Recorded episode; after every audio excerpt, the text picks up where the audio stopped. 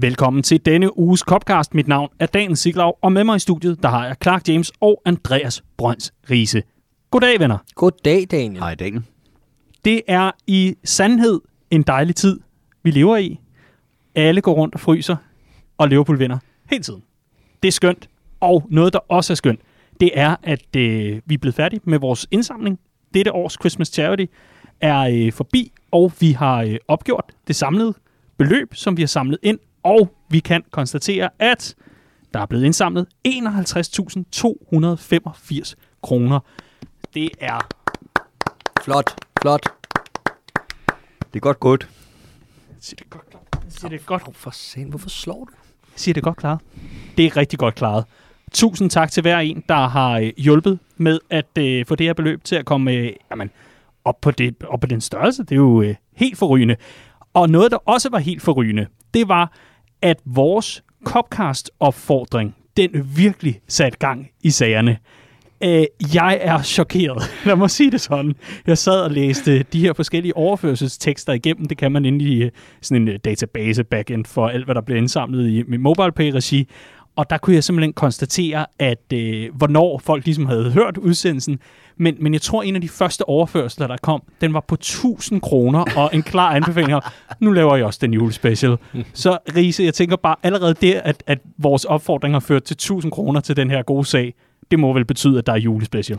Ja, altså vi har fået knæsat princippet om, at afpresning virker, øh, og det, det tror jeg, der er nogen, der kommer til at fortryde, at de har opfordret os til øh, på den her måde. Men, øh, men jo, opfordringen er i den grad øh, hørt, og meget rørende at se, hvor mange mennesker, der reelt synes, at de her julespecials øh, åbenbart er så mange penge værd for deres liv. Det, det er det. Tænk at bruge så mange penge på ja. sådan noget lort. det er jo fantastisk. Det er the Christmas spirit. Det er det i allerhøjeste grad. Og det er det altså også, når øh, Divock Origi, han øh, kommer på banen for Liverpool. Lad os lige høre, hvordan det lyder, når øh, Divock Origi, han dukker op lige præcis der, hvor han skal og afgør sagerne. Salah. It's a brilliant touch. And it's Divock Origi. Yes! Divock Origi at the death for Liverpool sends the Liverpool fans into ecstasy. Who better to come off the bench for the 100th time as a Liverpool player to score such a crucial goal? Liverpool going top of the Premier League. Jamen altså, døden, skatterne og december måned med Divock Origi. Merry Christmas. Nogle gange Everton, nogle gange Wolves. Ja, fantastisk. Det er jo en mand, der øh, kan allerede afsløre nu, dominere, når det kommer til nomineringer øh, i Bella og Birdie. Og øh, det er vel også ganske fortjent. Sikke et øjeblik. Jamen, det er altså den smukke mand. Han stopper jo aldrig nogensinde med at give os de her vidunderlige højdepunkter. Hold kæft, mand. Altså, det var som om, man kunne mærke, da han kommer ind, at det var sådan en dag, ikke? Ja. Øh, alt lykkes bare for ham. Altså, det- holdet totalt frustrerende øh, eftermiddag der på Molyneux, hvor man hoster og hakker, og man kan godt mærke, at okay, nu er vi begyndt på den der intense periode i sæsonen, hvor uha, har vi lige været lidt for kække med at spille for meget. Den stærkeste start var i streg, der var lidt trætte ben, og vi formåede slet ikke at dominere opgørelsen kontinuerligt. Så kommer Origi ind, og det er som om, alt han gør bliver til guld, ikke? Han, han kan noget i kombinationer, han kan sætte en mand, han kan det ene og det andet og det tredje. Man tænker, hvor er den spiller der til daglig? Øh, og jeg kan huske, at jeg, jeg står nede på poppen. Øh, det bliver jo formentlig en af de sidste gange på poppen i, i, øh, i næste stykke tid. Men øh, der står jeg der, og så kigger jeg over på en af mine medfans, og siger han, ja, ved du hvad, det er sgu nok sådan en dag, hvor han afgør det i 94. minut, ikke? altså, da vi fik øjenkontakt efter den scoring, der tænkte jeg, det er kraftet, men ja, det stod jo skrevet i sol, stjerner og måne. Jeg hørte en øh, podcast, jeg tror det var BBC Live, øh, Five Live, hvor de er nødt til at invitere en Liverpool-fan ind til simpelthen at forklare, hvad er det, der gør den her mand magisk. For for folk, der ikke holder med Liverpool, der ser man altså alt andet end en magisk fodboldspiller. Ikke? Og han er også svært ved at forklare det, men noget af det, der netop gør det så magisk, synes jeg, det er, som Clark siger, det der var en urik i dag, og du kunne se det fra første mm. minut. Ikke? Altså, jeg kårede ham som man of the match i karakteren, og det skulle måske have været Thiago, men det var faktisk ikke kun målet. Det var en halv time, han spillede mm. godt. Men jeg kommer aldrig nogensinde til ikke at sidde, når vi smider Origi på banen, og tage mig til hovedet og tænke, er det virkelig, hvad vi har? Fordi det er ikke en Origi-dag, hver dag han kommer på, øh, på banen. Der er nogle dage, hvor det ikke lige lykkes for ham, og så begynder han at drible til hjørneflade eller et eller andet. Ikke? Den mand, han nægter så meget at blive sat i boks. Man kan ikke finde ud af, hvad han er for en fodboldspiller. Han nægter så meget at blive sat i boks, at selv når den boks er feltet, Han nægter at blive derinde, hvis det ikke kører for ham øh, på de to første berøringer. Så det er jo det, der gør det lige magisk hver gang at Mm. Ulrike går ind og gør det her. Det er, så får man alle de indhop, hvor man, det overhovedet ikke kører for ham. Så når han så kommer ind igen der, det er hver tiende gang, han gør det cirka, så er det lige magisk hver gang, for man forventer det aldrig. Nej, men og, ja, både og. Altså, jeg, jeg, jeg havde faktisk for første gang, og nu skal det ikke blive sådan en, ej, jeg så det ske, for det gjorde jeg ikke. Men jeg sad, da han blev skiftet ind denne her gang, og tænkte, ja, det er sgu det, der er brug for. Især på grund af, at han kommer ind for Jordan Henderson og giver os noget ekstra offensiv ballast. Så kunne jeg godt se, hvad, hvad meningen var med det. Men ja, der er så mange gange, og en af de andre ting, der gør det magisk, er jo også, at vi sidder så ofte og ser ham blive smidt ind og tænker, han har ikke niveauet. Præcis. Altså, vi er vokset fra det der, men det er vi bare ikke. Og øh, helt alvorligt også, øh, Sky Sports tog, tog det op her, hvad, hvad det er, Origi kan for at tage det på et lidt mere analytisk plan og sådan i forhold til hans øh, statistik, når han starter, kontra når han kommer ind fra bænken. Og han er jo en vaskeægte supersop. Mm. Det er jo det, han er. Hans, øh, hans øh, bedrifter står simpelthen klokkeklart i statistikkerne. Han scorer et mål øh, hver 2000, øh, nej, undskyld, hver 223. minut, når han starter. Og øh, han scorer et mål hver 95. minut, når han kommer ind fra bænken. Øh, hans, hans, Hvilket passer med overtiden i øvrigt. Yes. Ja, præcis. Præcis. Hans, hans afslutninger øh, rammer 16 procent af gangene øh, øh, målrammen, øh, når han, eller øh, han scorer på 16 procent af sine skud, Mm. mm. når han starter. Han scorer på næsten det dobbelte, 29 procent, når han kommer ind fra bænken. Øh, mål, minut per mål assist, 164, når han starter, 79, når han kommer ind fra bænken. Så det, der er bare et eller andet med, at der er jo, det er jo svært at finde de her spillere, der er gode til at komme ind i rytmen og, og, og komme ind i kaos. Men der er jo Rigi altså bare øh, prototypen simpelthen. Og han er blevet det, ikke? Fordi jeg kan Mm. godt huske i starten, øh, hvor han faktisk lignede en starter for Liverpool, og hvor vi snakkede om, at det der med, når han kom ind fra bænken, det kørte simpelthen bare ikke. Så skete der et eller andet omkring den der skade nede i Dortmund. Han blev en anden spiller osv. Og så er han øh, blevet til den her super sub. Og det er, altså, alt er respekt. Nu, øh, tit og ofte, så bliver det sådan lidt lidt bander og så videre, fordi det er Origi, og han er en speciel type og så videre, og haha. Men det er faktisk svært, det han gør. Det der med, at der er så meget fokus på, at man kommer ind i en kamp, man ikke er inde i, i rytmen af osv. Altså, der er en grund til, at øh, Olivier Giroud har fået den karriere, han havde, efter at han ikke blev den angriber, Arsenal regnede med, så står der hvert, hver sommer et London-hold og mangler en indskifter, når tingene spidser til. Og det er ham. Det har han lavet en karriere på. Og det er fordi, at det kræver noget særligt at kunne det her. Og det særligt, det har Origi bare. Og så har jeg tænkt meget over det her med, at det, det, det, det, det, når vi tænker på, hvad er det, der indkapsler Klopp? Altså, hvorfor er det så magisk, det her Liverpool-hold, og hvad er det for nogle spillere, der indkapsler det? På en eller anden måde, så gør Origi det også bare. Der er sådan et, et magisk interview med uh, Kevin Prince Boateng, der havde et halvt år i Dortmund, hvor han bliver spurgt på et tidspunkt senere i sin karriere, hvem er den bedste manager, der nogensinde har haft. Så siger han, det er Jürgen Klopp. Hans mandskabsbehandling er second to none. På den måde, du møder ind til træning, så er der folk, der ikke har spillet i hele og halve sæsoner, som møder glade ind til træning, glade for at blive en, en bedre fodboldspiller, som han bare er så god til, Jürgen Klopp, der med at holde en trup glad, ikke? Og altså, en ting er at være Pep Guardiola og bare kunne fjernstyre sine fodboldspillere og sætte dem sådan fuldstændig op til at lave de her pasningstrekanter og, og, og så videre, og så bare have 11 lige så gode spillere siden udenfor. Det her med at have de her skæve eksistenser, det er så klop, ikke? Der skal være plads til Origi, der skal være Mm. plads til Emre Can, der skal være plads til de her fuldstændig random fodboldspillere, øh, som, som i Origis tilfælde ikke spiller særlig meget, men når han så gør, så kommer han ind og er Divock, som, øh, som Klopp. Just be Divock. Just be Divock, ikke? Du, er ikke nogen, Mm. du skal ikke ind i boksen, du skal, ikke være, du skal bare være Divock, ikke? Mm. Og det er, det, det er guddommeligt, det er, det er herligt. Og jeg synes faktisk, at det er en, det er en super fed samtale at sidde og have, fordi jeg kan huske tidligere på efteråret, der tog jeg til Liverpool til den her omvendte kamp mod AC Milan øh, på Anfield. Og der bebudede jeg over for en, en vennegruppe, at jeg ville komme hjem med en Divock jeg. Det fik jeg jo nærmest, øh, øh, altså jeg blev nærmest nægtet adgang til Danmark igen, hvis jeg var kommet hjem med den trøje. Altså sådan lød det på folk. Fordi han bliver ikke taget seriøst. Folk synes jo, at det er til grin, at vi stadig... Folk, nu skal jeg passe på, men der er mange, der synes, at det er til grin, at han stadig er en del af den her trup. Men jeg er helt enig med dig, Andreas. Jeg synes også, at han har en berettiget plads i truppen. Han er jo også meget billede på det her never give up. Altså, selvom hans rolle som fast starter er udspillet i Liverpool. Det er den. Altså, han er 26 år. Der er ikke, hvis han skulle være fast starter i Liverpool, så var det sket.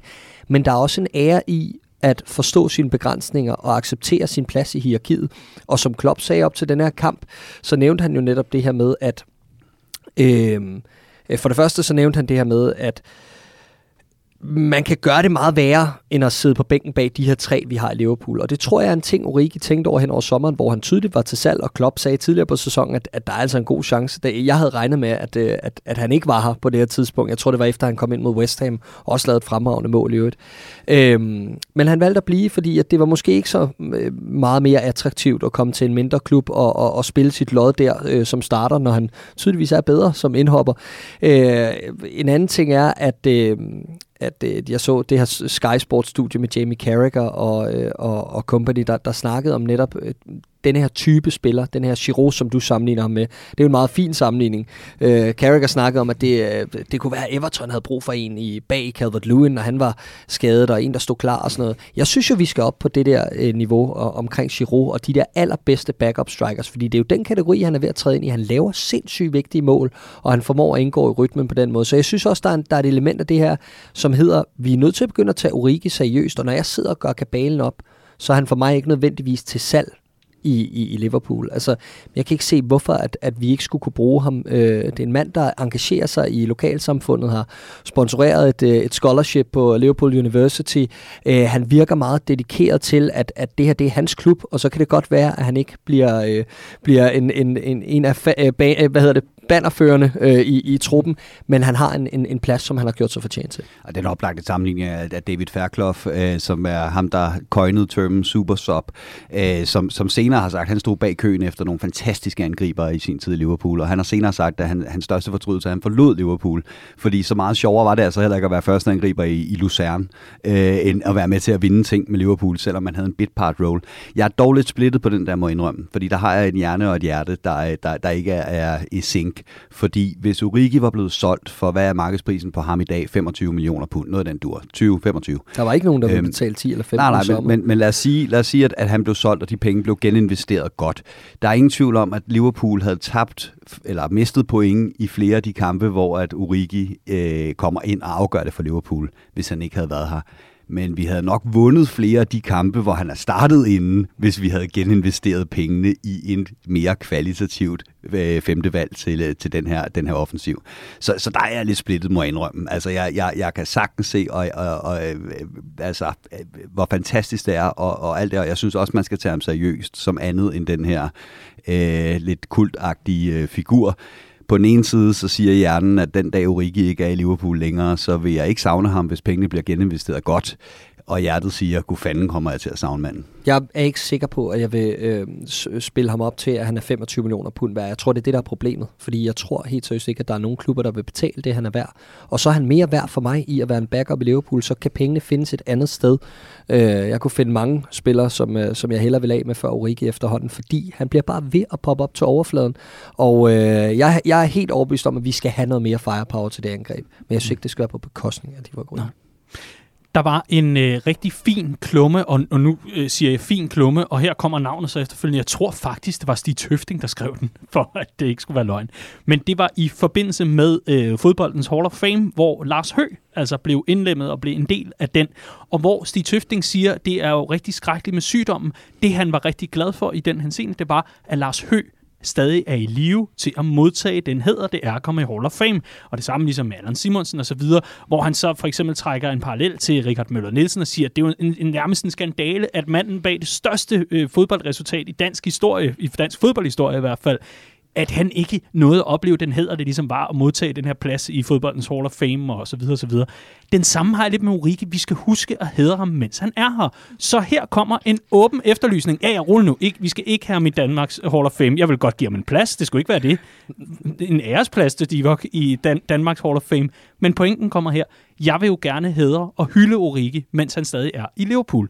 Så jeg kunne godt tænke mig, hvis der sidder en lytter eller to, der kender en, som kender en, vi skal have lavet en byste eller en statue af Divock Origi, og den skal altså ikke være i øh, beton eller sådan noget tungt. Den skal være til at skubbe rundt. Så, så tænk sådan noget lidt ligesom Ronald McDonald-figuren, øh, som man lige kan trille frem og tilbage. Eller Nej, eller det andet, vil ikke? jeg gerne have. Ja, lige præcis. Lige præcis. Hvis der er nogen, der kender nogen, der kan lave sådan en statue, eller kan lave sådan en, en uh, skulptur, eller hvad pokker det hedder, skriv til danielsnablag.redmanfamily.dk. Det skal simpelthen ske, det her. Vil du, vil du have den i, øh, i skorpionudgaven, eller hvad for en vil du have? Jamen, jeg, jeg, jeg er med på alt. Okay. Eventuelt en, hvor man kan skifte hår på den. Jeg ved det Ja. ikke. jeg ved det ikke. Og, og hvis det er fordi Daniel er bange for, at den ikke må stå fast på Irish Pub, fordi det ligesom skal være en natklub om aftenen, så hvis der er nogen, der kan lave en Origi-statue, der kan klappes sammen til at være stripperstang, så... Øh, Men helt ærligt, hvis der er nogen, der kan... Det kan jeg sgu godt lige lave i krydsfiner eller et eller andet. Skriv for fanden. Daniel redmanfamily.dk Vi skal have den. Og om ikke andet, så skal vi have den til vores store events. Den skal stå op på scenen sammen med Jamie Webster til næste Boss Tour Danmark. Det må være målet. Fordi, hvem er det, Jamie Webster elsker overalt på jorden? Det er jo faktisk hans yndlingsspiller, det er Divock Origi. Det fortalte han i hvert fald. Ja, det sagde han på scenen foran alle øh, de vidner, der nu engang var, i hvert fald i København. Mm. Og så kan det godt være, at jeg crowdfunder den, når jeg finder ud af, at den koster 125.000 kroner. Men altså, hey, vi, vi skal jo nå at hylde ham, mens han er i Liverpool. Og lad det være en rigtig lang intro på denne uges Copcast. Vi skal tale rigtig meget fodbold, vi skal tale rigtig meget Liverpool, og det gør vi lige efter det her.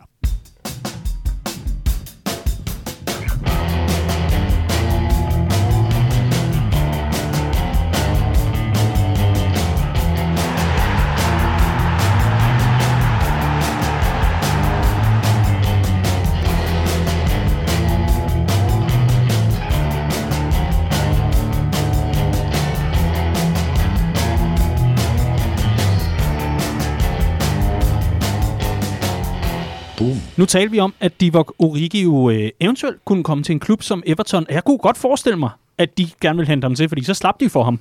Øh, og det kunne de jo så begynde på bare stille og roligt at købe Liverpools overskudslager op, sådan så de undgår de her ydmygelser. Men det kunne de altså ikke undgå i den forgangne uge, hvor Liverpool tog turen til Goodison for at få den revanche, vi bare havde brug for. Sikke en kamp, sikke en sejr, og sikke en tilstand Everton er i. Oh, we're all laughing at you. Vi skal selvfølgelig tale om øh, midtugeopgøret og den første kamp i december, 1. december, simpelthen, hvor Liverpool kom på besøg. Og der skulle ikke gå længe, før Liverpool havde bragt sig foran Jordan Henderson. De her, hvordan så I Merseyside Derby? Først og fremmest så så jeg et Merseyside derby, hvor vi ikke havde brug for Divock Origi for at smadre dem fuldstændig. Så det var jo en fornøjelse, at han kunne spare kræfter ind til weekendens opgør, hvor vi fik brug for ham. Men ellers så så jeg et Merseyside derby, hvor Liverpool var dominerende fra noget nær 20. sekund af kampen. Øh, gik fuldstændig i struben på Everton, og jeg synes, der var øh, klokkeklar klasseforskel på de to mandskaber. Det virkede som om, at det her Everton-mandskab til daglig spiller i en, øh, i en lavere liga simpelthen. Øh, de kunne slet ikke følge med, når vi skruede tempoet op, og det var jo, altså, det var tydeligt at mærke, at fuldstændig som forventet, som vi snakkede om i, i, i sidste uges udgave af Copcast, jeg kan huske, da jeg gik herfra, der tænkte jeg mere og mere sådan, hvor er det dog egentlig oplagt, at vi kommer til at smadre dem? Altså, det, der var simpelthen for mange ting, der ikke spillede sammen i, øh, i, i klubben på nuværende tidspunkt, og jeg synes, det kom til udtryk. Øh, Liverpool øh, busede ud af og sad på, på alting i, i de første ja, 20 minutter, og så vi får en 2-0, og derfra så er det jo kun fordi, vi slipper speederen, at vi ikke, øh, at vi ikke opretholder momentum og, og, og banker flere søm i, fordi, som jeg sagde før, de kunne ikke følge med Everton, og de havde en råden moral hele vejen igennem. Fuldstændig misforstået måde at gå til altså at gå aggressivt til sådan et opgør her på. Øh, det blev sådan lidt en, en hadsk og modbydelig stemning på Goodison Park. Et samspil mellem et frustreret publikum, og det kan jeg godt forstå. Øh, og så en, en gruppe spillere, som minder lidt om sådan nogle, øh, sådan nogle bandemedlemmer. Alle sammen. De her Everton-drenge, der overfalder dommeren hele tiden, og Øh, jeg synes især Richarlison og Alan, altså hold kæft, hvor er jeg træt af at glo på dem. Jeg synes, Seamus Coleman er jo nærmest den værste af dem alle sammen, og han er anfører for det her hold. Altså, den er helt gal. Så det var sådan et Merseyside derby, jeg så, hvor at, øh, Everton havde mere travlt med at brokke sig til dommeren og øh, være sure og bedre, og Liverpool der koncentrerede sig om at vinde kampen komfortabelt. Og jeg også travlt med at bue af Virgil van Dijk. Jeg har da aldrig... Jeg kastede bolde på banen, og Liverpool var i angreb og sådan noget. Kom nu lidt, venner. Altså, small club, mand. Ja, jamen 100 procent, og det, og det var... Altså, det var jo Evertons chance, det, det skal de jo have. Det var netop at gøre det her til sådan et af de her derbykampe, hvor formen ikke betyder noget, fordi det bare bliver en slåskamp, ikke? Øh, og hvor tændingen går fuldstændig øh, gennemtaget, og, og, og, og folk mister kasketten. Men Liverpool var bare ikke med på den. Altså, Liverpool spillede kampen, og Everton spillede The Occasion, og gjorde det rigtig, rigtig dårligt, ikke? Og vi havde jo snakket om inden kampen, at de havde nok brug for, at, at, at der kom et eller andet, øh, altså fra Rafa Benitez, et eller andet, der gjorde det her til sådan en, øh, øh, ikke? Nu, nu skal vi fandme vise de her, øh, de her naboer. Men, men, men som du siger, det var bare, det var, det var for meget, og det var for, det var for hadsk, øh, mm. og lige præcis James Coleman, som jeg egentlig har okay meget tid til, altså jeg synes, han har været en, en, en, en altså et, et af få lyspunkter på det her Everton-hold, og, og en klassefyr uden for banen og sådan mm. nogle ting. Men hold kæft, hvor havde han travlt med alt muligt andet end at spille fodbold. Og det gjorde Liverpool bare. Altså spillede, spillede fodbold og gjorde det så meget bedre, som vi havde forventet, at vi ville gøre det bedre end Everton. Og derfor var der bare gennemført klasseforskel på dagen. Punktum. Jeg, jeg kan huske, vi engang, øh, jeg spillede en gang en kamp som ungdomsspiller, hvor vi mødte Ishøj på udebane. Det mindede mig rigtig meget om den kamp. Der var virkelig, virkelig et enormt attitudeproblem. Øh, og ja, beklager til alle, der er fra Ishøj og mig. Men, men jeg har også været med til at tabe den slags kampe, netop fordi man selv bliver frustreret. Vi vandt og, faktisk 4-1. Ja, jamen, okay. det har jeg også prøvet, men, men jeg har netop også prøvet, at, at man så netop går, går rundt og bliver frustreret og går med ned på deres niveau. Mm. Ikke? Øh, så så og, og det, det undlod Liverpool bare. Ja, det var fedt at se. Og der er vi bare for fokuseret efterhånden. Vi er for, for, ja. simpelthen for professionelle en enhed under Jürgen Klopp til, at vi går med på det der. Det er jo, det er jo skønt at se, han roste også efter kampen, mm. Jürgen Klopp.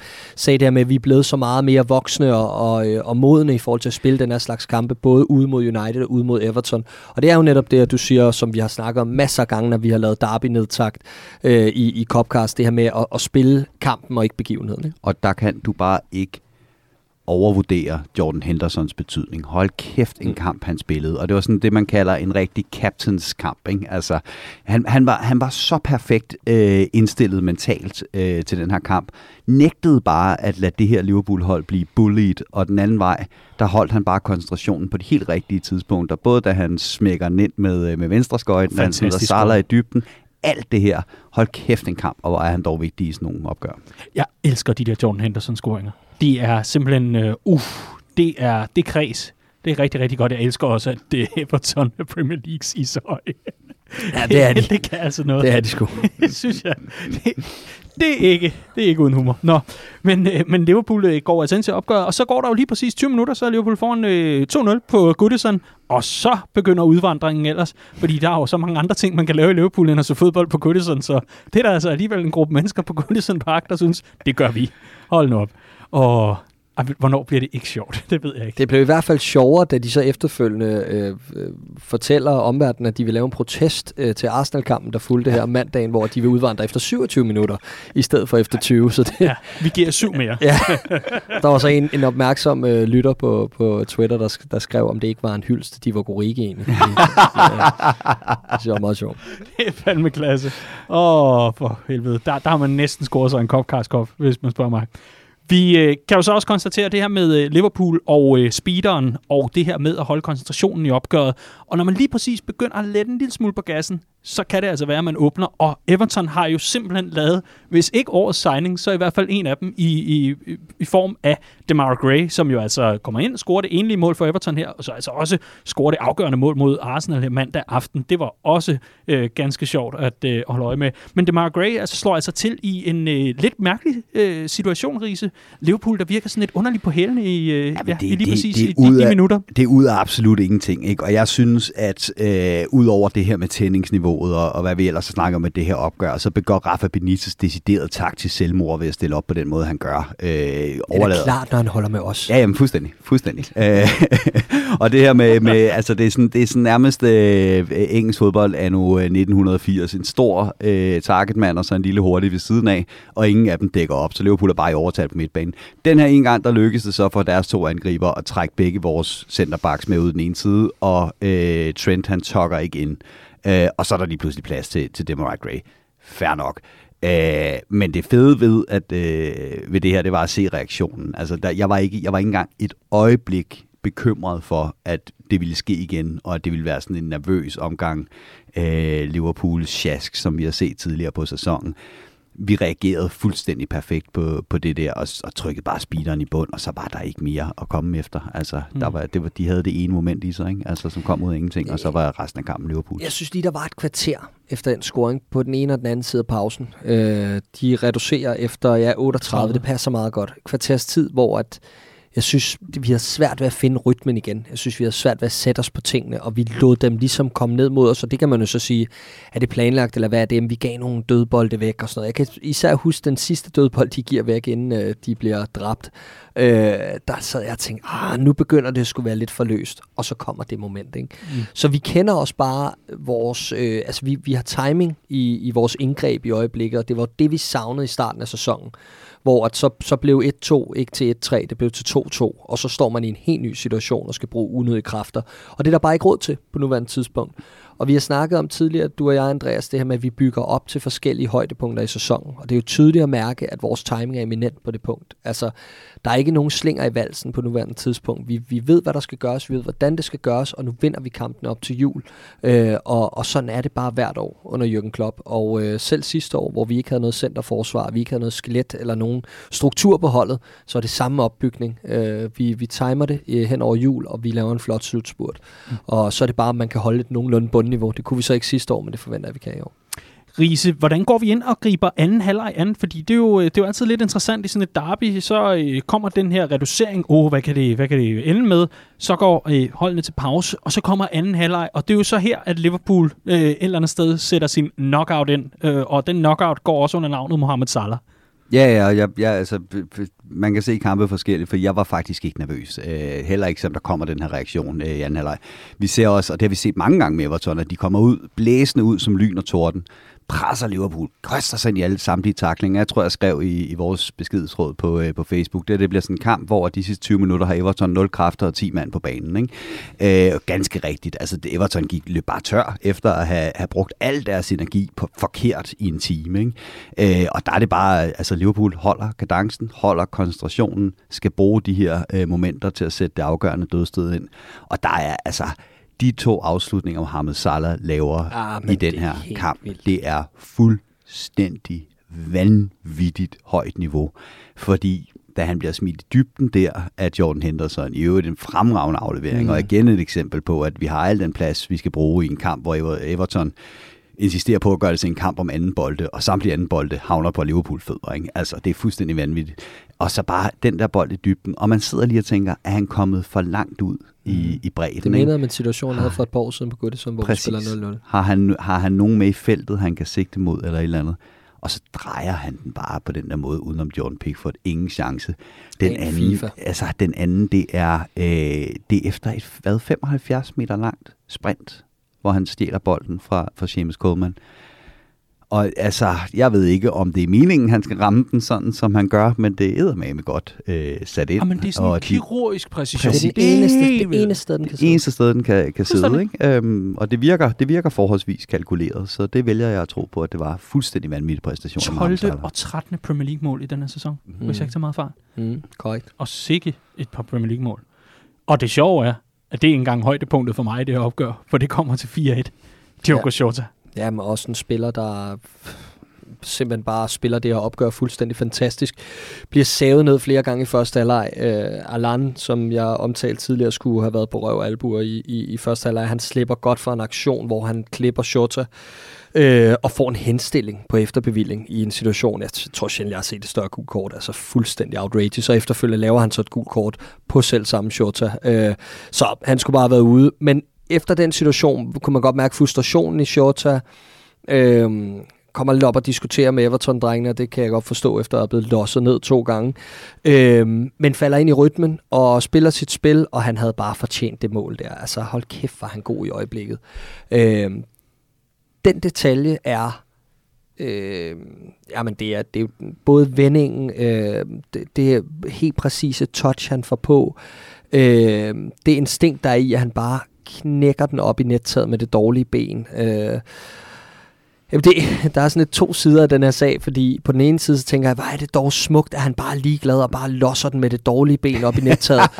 og så flash forward til ja. Wolfskampen lørdag eftermiddag, hvor jeg tænker, hvorfor i al verden sparker du med det dårlige ben? Altså, så så det, den, er sådan lidt, den er lidt to del, men i den her situation, der, er det jo, altså, der får du alt det bedste fra Shota, øh, som er, at, at han er bare, altså han er reckless og relentless i sådan en situation her. Ikke? Ja, fordi i, i, i den situation, man kan sige, i forhold til at øh, gøre målet og muligheden for målet større, der, der er det jo ikke lige frem øh, den løsning, han vælger, som nødvendigvis vil være den bedste. Altså, man kan jo sagtens lave en, en, en skudfinde, man kan sagtens lave alt muligt andet, men man kan godt spille chancen anderledes. Men Diogo Jota gør det jo, altså de, man kan jo nærmest høre strygerne og orkestret begynde at spille, fordi det er så flydende, det er så let, det er så lejende, og når man ser det, tænker man, ja, men det er da det eneste, man kan gøre i situationen. Det er altså for mig at se, og der er altså rigtig mange gode scoringer allerede i den her sæson, men det er i hvert fald i top 5 over øh, bedste scoringer, vi har set fra Liverpool i indværende sæson. Hold nu op. Det er helt vildt, så mange gode beslutninger, han tager som falsk nier, Shota.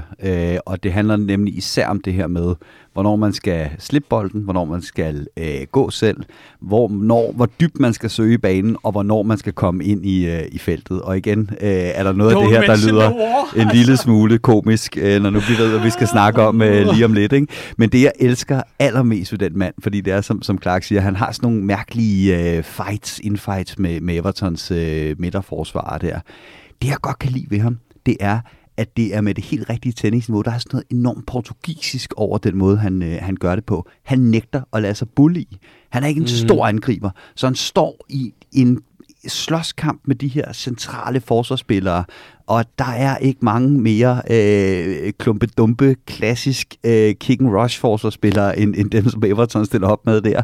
Øhm, og man, man sidder med, med, med den der frygt for, at nu mister han kasketten, ikke? nu mister han fokus. Han bruger det til at bevare fokus det der, og han bruger det til aldrig at tabe den der vanvittige øh, øh, mentale duel, der altid foregår. Især når man er så lille en angriber over for så store forsvarsspillere. Og det der, det var da bare det bedste eksempel. Da den der kommer ind, der er han så lynklar oven i kasketten, og der er ikke noget, han hellere vil, end bare at køre en Everton-forsvarsspiller på røven på at være en bedre fodboldspiller end ham, og så bare hammer op i nettaget. Det var helt fantastisk. Ja, det var det i allerhøjeste grad. Og øh, noget, der også er helt fantastisk i, i, i den henseende, er jo så også, altså hvis vi lige skal zoome ud en gang, det er så, at Liverpool altså tager til Goodison. Alle ved, at Liverpool er store favoritter, men Liverpool spiller også som store favoritter. Og det er bare vidunderligt, der er noget kontinuitet i forhold til indsatsen og i forhold til, hvad vi ser fra Jürgen Klopps tropper. Og så kan vi så ellers lige om lidt begynde at tale om weekendens opgør, hvor det var lidt mere haltende på mange områder, og hvor der blev sløset en del, men isoleret set den perfekte hævn over Everton, fordi at det netop ikke var et, forstå mig ret, Origi moment alt til sidst, men det var bare en tur ned i kødhakkeren, og så blive efterladt ned i rendestenen, og så kunne Liverpool ellers bare rykke videre i teksten. Ja, Skønt. Ja, 100 procent, og det var ikke et slagsmål. Det var en fodboldkamp, hvor Liverpool var klart bedst. Slut. Ja. Det minder mig lidt om den der storebror, der holder lillebror for panden, mens lillebror bare Lige står og fægter Ja, med lige armen. nok, Ikke? Præcis, altså, Altså, indtil han er blevet træt, og så får han ellers bare los i løgn. Ikke? og det er, ikke at jeg Apropos overhovedet som Ishøj. storebror har nogen, øh, har nogen øh, minder. Vi havde fremragende forhold, mig og min bror. Øh, nej, øh, og, og, og, og det, det man. som børn, ikke? Øh, det, man, det man kan sige, det er, at det var præcis den kamp, som vi havde forventet, og den kamp, som Everton havde frygtet. Og Ja. det gik bare i opfyldelse, fordi Liverpool ja. er så meget et bedre fodboldhold, end Everton er i øjeblikket, og stemningen er så fucking giftig på den anden side af Stanley Park. Hold dig væk, Kasper Julemand. Ja. Nå, nu også. Gud, jeg, jeg føler lidt, jeg er et déjà vu eller et flashback eller et eller andet. Jeg synes, der var nogle andre gutter, jeg talte fodbold med i går, som også sagde det samme. Nå, der var jeg også forbi.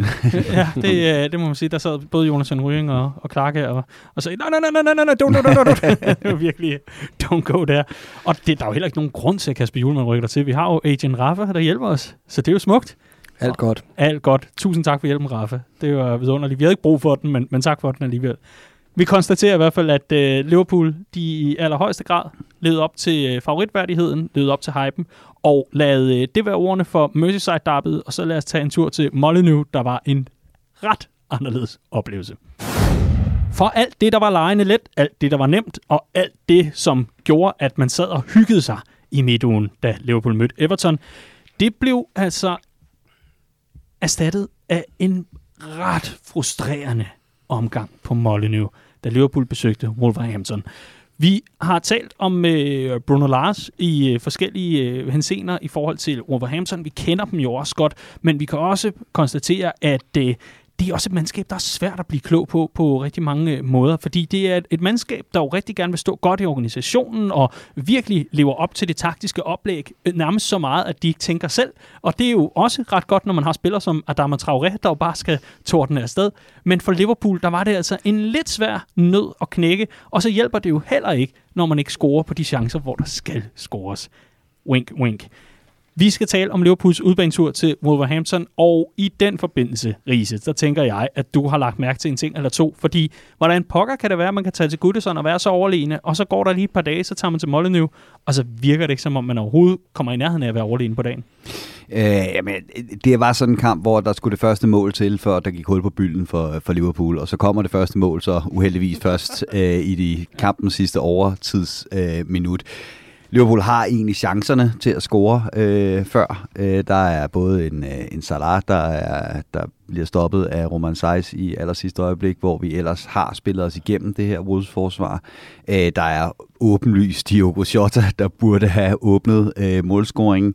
Øhm, men, men målet ude bliver ligesom. Jeg synes egentlig, at Liverpool spiller en, en, en fornuftig kamp, kommer til de chancer, der skal til for, at, at den her kamp også kan afgøres meget tidligere, end, end den blev.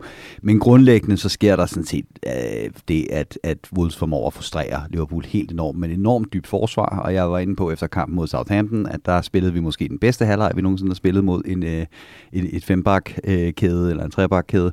Her der, der, der, der var vi tilbage til det her med, at et hold stiller sig ned med fem forsvarsspillere på linje, stikker en central forsvarsspiller op i røven på vores, øh, vores falske nier, og så lader resten øh, falde ned og tage, øh, og, og, og tage øh, det, der ellers kommer øh, offensivt. Og vi prøvede egentlig utrolig mange forskellige ting i løbet af kampen. At lade baksen holde bredden, holde fløjene holde bredden, selv gå ned og gøre det til en trebakkæde, alt muligt det hele blev bare kanaliseret ud over kanterne, og det er noget, vi har set før, altså bliver Liverpool altså bare en tand for nemme at dem op for, når vi ikke kan få gang i det spil ned gennem midten. Mm. Du havde markeret, klar.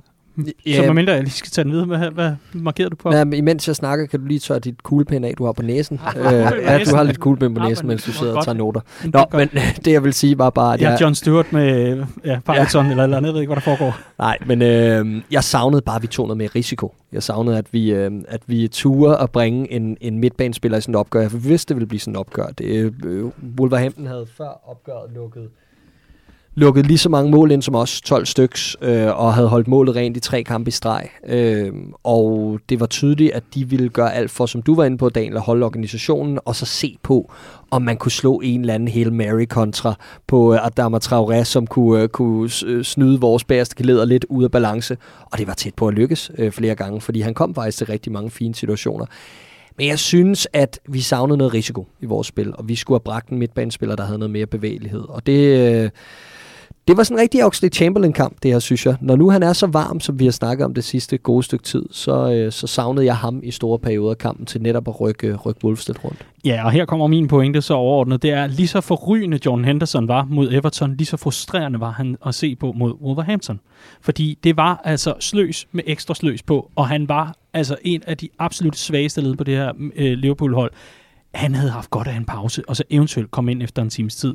Det skulle have været omvendt. Ja, det, det er svært at være uenig i, at der var for meget sløs i den her kamp. Øh, og, det, og det gælder, ja, ja, og det gælder, altså nu, nu sad jeg og skulle give karakter, og især sådan en som Mané, der sidder man jo der og tænker, havde det været ham, det, det, det, det varmede på en eller anden måde op til, at han, han ville få hul på den her målbylde, at han godt kunne prikke en ind i den her kamp. Det gjorde han bare ikke, og så er man bare nødt til at give ham lav karakter, fordi hold kæft, var der mange dårlige beslutninger på sidste tredjedel øh, i sådan en kamp, øh, når det ikke kører for manier. det gjorde det ikke i, øh, i, i den her kamp.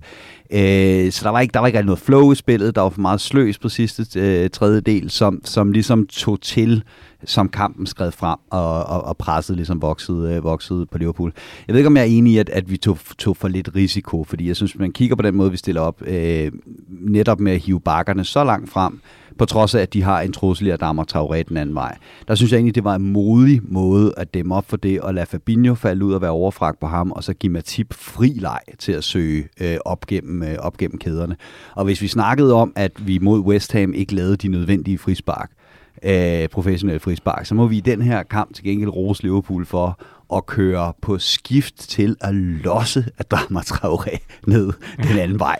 Og det var inklusiv luksusspilleren Thiago, der gjorde sit bedste for at få det her, øh, det her gule kort. Og der, der så synes jeg tidligere, vi har set Liverpool, så, så lad en bak være for defensiv, fordi vi er bange for, hvad de andre kan bringe den anden vej. Der synes jeg egentlig, det var, det var en modig strategi, vi havde for at dæmme op for det Wolves kom den anden vej. Jeg har sjældent set en så dygtig øh, elegantier som Thiago i, øh, i fodboldens verden være så langsom uden bold.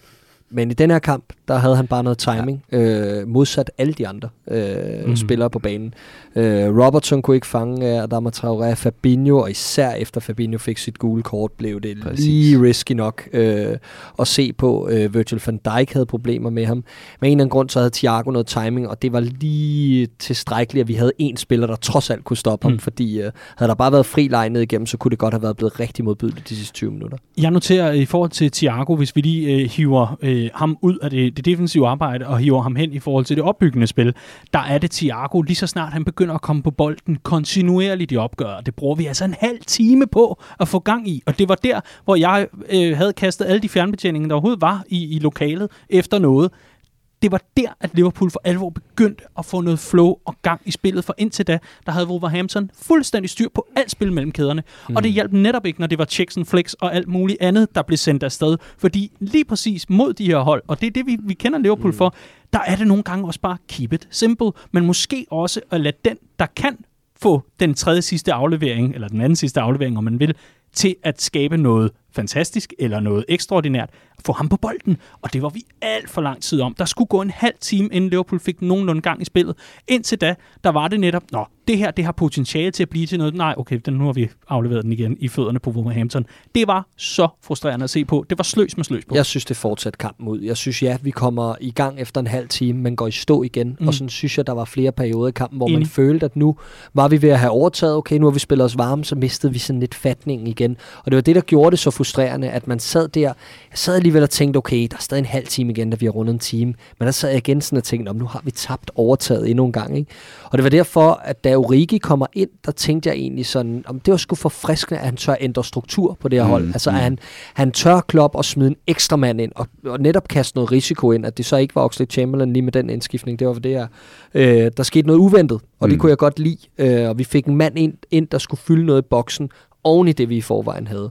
Øhm, men, men, men kampen ud, og også efter Origis indskiftning, synes jeg altså, det var et problem med at sætte et tungt pres ned mod Wolverhampton. Målet, det følte jeg ikke, vi gjorde på noget tidspunkt. Nej, det, det der var, det var, at man sad med, med den der følelse af, at hvis Liverpool kan lave tre aktioner i streg med kvalitet og tempo, Jeps. så er Wolverhampton til at tale med. Og det, der jo sker ved målet, det er, at den bold fra Van Dijk er slået, slået snorlige efter en lineal op til Salah den første berøring, Salah laver forbi mm. agent Hoover, øh, den er verdensklasse. Intet mindre end verdensklasse. Bolden ind til Urigi, der laver den vending, han skal, og afslutter fuldstændig perfekt. Vi skal bare frem til 94 minutter, før det lykkes at sætte tre kvalitative aktioner sammen i streg for Liverpool. For ellers så blev det lige præcis, jamen så fik vi Thiago på bolden, så spiller han den op mellem kæderne, så tabte Mohamed Salah den eller også så blev bolden slået fra, øh, fra Van Dijk, og så tabt Mohamed Salah. Ikke? Altså det, det, det, uh, vi, vi, var, vi var fandme uskarpe på den, øh, på den sidste tredjedel. Når der lige manglede, der manglede bare lige de der sidste to gode beslutninger for Liverpool, så havde vi også øh, vundet den her kamp øh, større og afgjort den noget før, end vi gjorde. Jeg elsker den her aktion for, for Origi, for lige at tale om den igen. Øh, nemlig et glimrende angreb. Øh, vi snakker så tit om det her... Øh, med Van Dijks sideskift og den måde at starte vores angreb på, og hvad det har betydet. Øh, der var mange modstanderfans, bemærkede jeg sidste sæson, der snakkede om, at jamen, bare fordi I mangler jer centerbacks, hvad har det med det offensive spil at gøre? Det er lige præcis det her, det har med at gøre. Vi ser det så tit som en opbygning i Liverpools spil. Det er det, der kan rykke et andet hold ud af balance, når der ikke er flere redskaber tilbage. Øh, så det var super fedt. Og så samtidig den her bold ind til, til Origi, som en, en, en klassisk vending er jo, at han vinder på en 5 kroner. Nej, han vinder på en UFO. Ikke? Altså, han tager en ordentlig spåndplade af en tæmning tilbage i banen, men det er lige meget, fordi han skal bare lige lægge den uh, til rette for sig ja. selv, og så, uh, så lægger han en smuk, smuk aktion. Hold kæft, man. Jeg håber, uh, dansk sprognævn lytter med. Vinder på en UFO. Det kan jeg langt bedre lide end på en 5 kroner. Det er uh, billedsprog, når det er bedst. Så er det Copcast-tid igen. Skal vi tale om den? Situationen? Jeg ved, den er blevet diskuteret højlydt på et diverse stamsteder i øh, Redmond Family-regi. Lokalafdelingerne har debatten gået højt, og øh, ja, man kan også sige, øh, humøret også har været derefter. Diogo Jota og det der, øh, ja, det der freak incident. Må jeg ikke starte? Fordi det er jo godt lavet. Nå, men det er det jo. Det er jo, det er jo voldsomt godt lavet, at han i første omgang kommer til den chance. Han jagter en bold, som det presmonster han er. Skubber lige akkurat nok til forsvarsspilleren til, at han lige rører ind i målmanden, men der er lige akkurat ikke frispark. Han er så dygtig til det der, Shorter. Og så får han bolden med sig, og derfor er det en katastrofe, helt sikkert. Men, men det er jo godt lavet i første omgang, og det er jo ærgerligt, at man skal glemme det, fordi havde han bare gjort det simple til sidst, så havde det været et klassemål. Og her kommer, her kommer spørgsmålet nemlig, hvad er det simple i situationen? Er det en afslutning, der skal være mere simpelt placeret, eller er det at spille Mané? Der er flere svar. Der er flere rigtige svar. Han altså, kunne have gjort begge det, dele. Det, det går fra at være godt lavet til godt klart. øh, og, og, og der er nemlig utrolig mange ting, han kunne have gjort anderledes, end det han gør. Nej, jeg synes ikke, han skal spille Mané, fordi Mané er ikke i en bedre position. Altså, der står to mand inde på stregen. Begge sider af målet er, er fri. Ikke? Han skal sådan set bare placere den over i en af siderne, så er der mål, ikke? Altså, og det kunne, det kunne man ikke nødvendigt. Han står ikke i en bedre vinkel eller noget. Okay, til er du sikker på det? bold. Ja, det er jeg 100% Det, sikker det er jeg på. ikke helt sikker på. Jeg er enig med dig i, at, at den rigtige beslutning er også at sparke, men med det gode ben for det første. Han har, alle, han har fem touch, tror jeg, på vejen mod mål. Han har alle chancer for at lægge den over til sin højre skøjte, hvor han kan lægge den lige præcis, hvor han vil. Ja, men, men her der snakker om en spiller, der har scoret stort set lige mange mål med, med hver ben Ja. i, i, i Premier League. Skulle han Så have har ikke et svagt ben på, ja, præcis lige lave sældribling og løbe ind i mål med den. Ikke? Altså, Jeg, ja, jeg, det er også to store mand, der står derinde, nu er vi også over ved ham. Nej, Ja. øhm, men, men altså, han, han går efter hvad for en hjørne skal han sparke i? Hvad for noget? Jeg ville, jeg ville have taget det lange, ikke? Øhm, Med venstre ben. Ja, med venstre ben. Og, og, og den behøver ikke engang være hård. Det er det, der er problemet, det er, at jeg tror, at han, han går efter den her, hvor han tænker, hold kæft, hvor kommer det til at se dumt ud, hvis jeg sparker blødt over i siden, og det lige præcis når over og afværger den. Så den Ja. her, den skal bare have fucking hammer. Med det dårlige ben. Og hvis den rammer hvor som helst andet, øh, andet sted end forsvarsspillerne, så går den ind. Ikke? Det er sådan en, en taktik, man gerne ser på straffespark også. Ikke? Altså, hvis jeg losser igennem på den her, medmindre jeg rammer målmanden, så er der mål. Ikke? Og så rammer man målmanden, og her rammer han så forspilleren. Og det er, det er decideret horribel beslutningstagning i situationen. Det, det er det bare. Men jeg kan godt høre, at jeg er tryg ved, at det ikke var dig, der var i situationen heller. Fordi jeg havde da godt nok ikke høvlet den over et lange hjørne med det dårlige ben, og jeg havde han fem berøringer og ben. muligheder for... Har Han set har- Det har, så han jo, det har han jo så åbenlyst. Altså, det, Altså, men, men Men, men det vilde er, at Connor, Connor Cody's stamtræ slutter nu.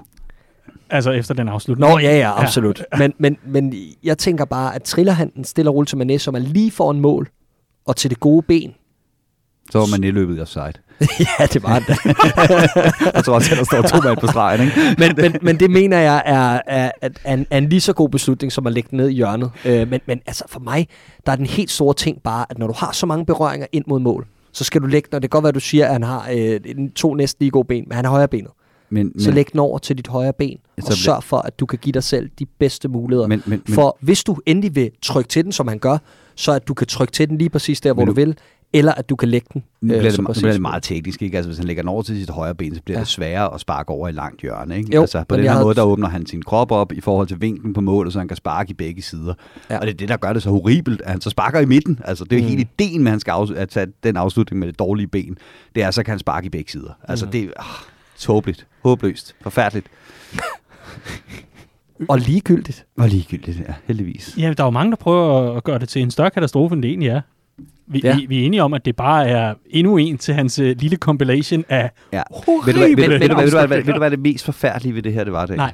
Jeg havde tidligere på dagen havde jeg udgivet øh, det der format, vi har, der hedder Datahjørnet. Ikke? Meget anbefalesværdigt yes. Yes, og det havde jeg smidt op på øh, Redman Families øh, side, der sådan et, nogle timer inden kampstart. Så opdager jeg, at der er en slåfejl i overskriften. Så hurtigt var det gået. Og overskriften var verdensklasse på portugisisk i begge felter. Med henvisning til Diogo Jota og Allison. Og da jeg så ændrer i overskriften, så fucker det der opslag fuldstændig op, fordi så kan den ikke finde artiklen inde på siden og sådan noget. Så kommer man hen på et dødt link. Så tænker jeg, ved du hvad, jeg fjerner den her, og så lægger jeg den bare op igen i morgen. Dagen efter den her kamp, der skulle jeg fandme ikke lægge et opslag op, der hed verdensklasse på portugisisk i begge felter. Det kan jeg love dig for. Nej, det kan jeg sgu godt forstå. Og det er hæsligt, fordi jeg sad også med, med, en, med en halvbagt øh, artikel og tænkte, Ej, det får jeg sgu ikke gjort i dag. Og lad mig sige det sådan, jeg har ikke haft travlt med at skrive den færdig efterfølgende i forhold til Diogo Jota. Jeg skulle til at hylde ham, fordi jeg regnede med, at han ville score sit, uh, sit 9. øh, Premier League-mål i indværende sæson, og dermed være oppe og matche uh, hans mm. uh, scoringer i sidste sæson i Premier League, der jo netop også var 9. Og der skulle jeg netop tale om, at nu havde han fået bygget kontinuitet på. Jeg havde talt med dig, Riese, om det og så videre. Og ganske rigtigt, i hvor kan jeg ikke finde den inde i min Google Docs-system. Hvad, vi skal ikke vente mange uger før. At Nej, men, men, er, han, men er han ikke en det, mystisk spiller? Altså, så, ja. ja, det der med, at han kan virke... Jeg kan huske noget af det, vi roste ham for sidst, vi faktisk vandt på Molyneux, hvor han lige var kommet tilbage fra Yes. skade i sidste, i sidste sæsons forår. Ozan Kabak og Nat Phillips nede i bagkæden. Ja, præcis. Vi vinder 1-0, og øh, han scorer på den her halve chance. Og der sad vi og snakkede om, var det fedt med sådan en instinktspiller, der bare skal bruge en halv chance. Og mm. Han er så skarp, og hans mål per minut ratio er jo helt deroppe blandt de bedste i Liverpool-historien og sådan noget. Men hvor er han dog en af dem, der brænder de aller, aller, aller mest oplagte chancer. Jeg mener ikke kun den her. Jeg mener også den, han har i første halvleg i samme opgør. Jeg synes, vi har set kampe, hvor han går igennem ørkenvandringer af chancer, hvor det bare er sådan, hvad foregår der? Altså, Det har vi set hele sæsonen. Jamen, Altså, om, det, om det har vi set i hele hans Liverpool-karriere. præcis, Øh, præcis. men så har han bare de der stimer, hvor alt bare går ind. Jamen, det- øh, og, og, det, og det, hvis jeg skal huske en spiller, det minder mig om i hans start i klubben, så er det Mohamed Salah. Du siger det selv, han skal bruge en halv chance. Han får en hel, så går det ikke. Ja, true. Point taken. Halve chancer til Shota. Godt. Jamen, øh, så er det her med nedfældet. Ind kommer Divock Origi. Det kan jo ikke være anderledes. Og øh, lad, lad mig sige det sådan her. Jeg, jeg synes, vi har været glimrende øh, forbi det. Så lad os øh, bare endnu en gang hylde manden for at gå ind og gøre det, han lige præcis skal gøre i det her opgør. Afgør kampen. Det gør Ja. han. To Ja. the rescue. 100 procent. Ej. Sikke et moment. Ja, og lad os endnu en gang lige hylde Mohamed Salah for bare at blive ved, og blive Ja. ved, og blive ved. Og han har jo chancen øh, lige før det her moment. Hvad er det, det er 89 minutter, Mm. hvor han kommer til en mulighed. Øh, faktisk, den ligner meget Origis i måden, det sker på. Han får vendt sådan lidt rundt på samme måde, og skal så afslutte med sit gode ben. Øh, øh, og, og afslutter lige hænderne på målmanden, og der sad man sådan lidt med den, det var det. Øh, Yes. Lige men han præcis. bliver ved. Og, og han, han, det, han har bygget allermest på for mig, Salah, det er, at han kombinerer det her at være en verdensklasse afslutter med ikke længere at øh, tippe over til, at det engang imellem bliver en kende for egoistisk. Han kender godt til, hvornår han skal være teamplayer, hvornår han skal kigge op, hvornår han skal lægge den øh, til rette for holdkammeraterne, og det gør han bare endnu en gang her. Det er ikke for sjov, at han både er øh, fuldstændig suveræn topscorer i Premier League og øh, assist leader. Han er simpelthen bare på en planet for sig selv. Og noget af det, jeg virkelig godt kunne lide ved det her, det var, at et modent hold, som Liverpool er, øh, med den her never say die attitude, som vi snakker om osv., lugter bare svaghed på en kilometers afstand. Og her der er sket det, at Wolves øh, vensterbak øh, Al-Nuri er gået ud, og han havde haft Mohamed Salah i lommen. Salah havde 13 boldtab i den her kamp, 10 mislykkede driblinger. Ind kommer unge, urutinerede Kitjana Hoover på den forkerte wingback mod sin gamle klub. Og vi lugter det bare. Lugter det bare med det samme. At øh, ned til Salah i den der chokoladehøjde, og så tager han første berøring forbi ham, og så er han bare plantet som en Origi-statue i Stanley Park. Ikke? Altså, Eller det på, er, øh, på øh, poppen. Ja, præcis. men, det, men det, det, det er bare sådan noget, som, som gode, modne fodboldhold gør. De lugter svaghed, udnytter den og tager de rigtige beslutninger. Der gik lang tid, inden vi gjorde det, men øh, så kom den også. Og så kom den også. Så kom scoringen, der gjorde, at Liverpool altså vandt anden kamp i øh, den forgangne uge. Og dermed er vi øh, i allerhøjeste grad stadig med i mesterskabsræset. Godt hjulpet på vej også af David Moyes og West Ham, som altså øh, besejrede Chelsea. Det gjorde de på London Stadium, og øh, det gjorde de med øh, en af de der af kjolen hvid eller blå og øjeblikke med Masuaku. Var det et indlæg? Var det en afslutning? Ja. Ja. Hans egen manager sagde på pressemødet bagefter, det var et indlæg. Så tak for støtten. Så er den lukket. Altså, prøv, prøv at overveje det. Du, altså, du, I har alle muligheder for at vinkle den. Du, du kan være helten i området for evigt for den scoring og så videre, og så vælger David Moyes at gå ud og ødelægge den. Hold kæft, mand. Men han er et fodboldgeni. Masuaku? Nej, Moyes. Ah, okay. Stefano. Men øh, Liverpool er altså oppe i øh, toppen af tabellen sammen med Manchester City og øh, Chelsea nu på en tredje plads. Kom nu lige med det der bump på vejen, Manchester City. Det er altså lang tid siden, jeg har fået lov til at lave mit mandagsopslag inde på Redman Families Facebook-side. Godmorgenopslaget. Hey, det gad jeg altså godt snart igen. Jeg kan så godt lide, når Liverpool ligger øverst i tabellen. Det, det gør noget godt ved mit liv. Det kan vi alle, Daniel. Nå, okay. Jeg, jeg troede, jeg var alene med den følelse, men tak, Clark. Det er godt at høre. Liverpool har øh, nu vundet fire kampe i træk, efter at øh, man altså tabte til David Moyes West Ham. Der er styr på det i øh, Premier League-sammenhæng. Der er også styr på det i Champions League-sammenhæng, hvor man for længst er gået videre, og lige om lidt, faktisk i talende stund, vi sidder her den tirsdag eftermiddag, der skal Liverpool i aktion mod AC Milan på San Siro. Det er en kamp, vi ikke kommer til at varme op til. Men et opgør, hvor AC Milan jo formentlig kan øh, få øh, lov at stifte bekendtskab efter mange års fravær med øh, Baresi nede i bagkæden. Liverpool forventes jo at stille op med Nat Phillips, a.k.a. Baresi. The Bolden Baresi. Bolton Baresi. Bolton Baresi. Oh my lord. Hold kæft, tænk ikke at holde med Liverpool. Nå, gutter, det var de kampe, der blev spillet i den forgangne uge. Vi rykker direkte videre til Bella og Birdie. Så er det blevet tid til Bella og Birdie, der er tilbage efter en uges pause, fordi i sidste uge, der donerede vi, så at sige, tiden, som vi normalt plejer at bruge på Bella og Birdie, til Christmas Charity. Endnu en gang tusind tak til alle, der har bakket op om vores indsamling. Det er lige præcis det, der er med til at gøre vores fællesskab helt unikt og helt vildt rart at være en del af. Og vi glæder os rigtig, rigtig meget til at overføre pengene direkte til Alderhay Children's Hospital i Liverpool. Jeg er sikker på, at de bliver rigtig, rigtig glade for den opbakning, der kommer helt fra lille bitte Danmark. Uha. Det er skønt at være Liverpool-fan, og det er skønt at være en del af Redman Family. Så tusind tak til alle, der har budt ind. Og især tak til jer, der bare gerne vil have julespecial. Det skal I æder brøl med få. Jeg sender Riese op i køkkenet, så du kan lave noget dødsgløk. Careful what you wish for, er det ikke det, man siger? Jo, lige præcis. Vi skal i gang med Bella og Birdie, og traditionen tro, så starter vi med den knap så gode mad i madkassen. Clark, hvad er din birdie i denne uge? Jamen igen må vi jo øh, skulle grave dybt for at finde øh, problemerne. Øhm, jeg synes dog, hvis jeg skal øh, vælge noget negativt for ugen, så synes jeg, at Virgil van Dijk øh, ligner en spiller, der i nogle situationer har lidt svært ved at følge med. Og det er sagt, øh, følge med er en forkert vinkling på det, for selvfølgelig kan han følge med. Men han er en spiller, der mangler nogle procenter øh, i forhold til timing, skarphed, øh, hurtighed, i forhold til, når han stoler på sin egen fysik og sin egen arrogance øh, til at virkelig så overlegen. Øh, det synes jeg både vi så på Goodison Park, hvor han får et meget, meget atypisk gul kort for at komme alt for sent i en aktion på et meget, meget ligegyldigt tidspunkt. Og så igen i øh, opgøret på Molyneux, hvor han prøver at øh, dæmme op for Adama Traoré ved at være klogere og smartere og lige en tand mere arrogant, taber bolden i en meget, meget dum zone, hvor det kunne være gået helt galt. Så han mangler stadig lidt, før han er tilbage for sin, øh, for sin skade, og det er jo ikke meget mere end 5-6 procent, men problemet er, at øh, de 5-6 procent kan blive yderst afgørende. Mm. Men det er de ikke blevet nu. Nej, det er, et, Heldigvis. det er jo øjet, der ser. Men, Øjet, øh, ja. Men øh, det var din birdie. Riese, hvad har du med? Øh, jamen, jeg har en uh, birdie, der hedder, at jeg er ved at være godt og grundigt træt af at høre Salah udtale, at det er op til klubben, hvorvidt at den her kontrakt, den skal forlænges. Nu har han været ude i et afrikansk medie igen og sige det.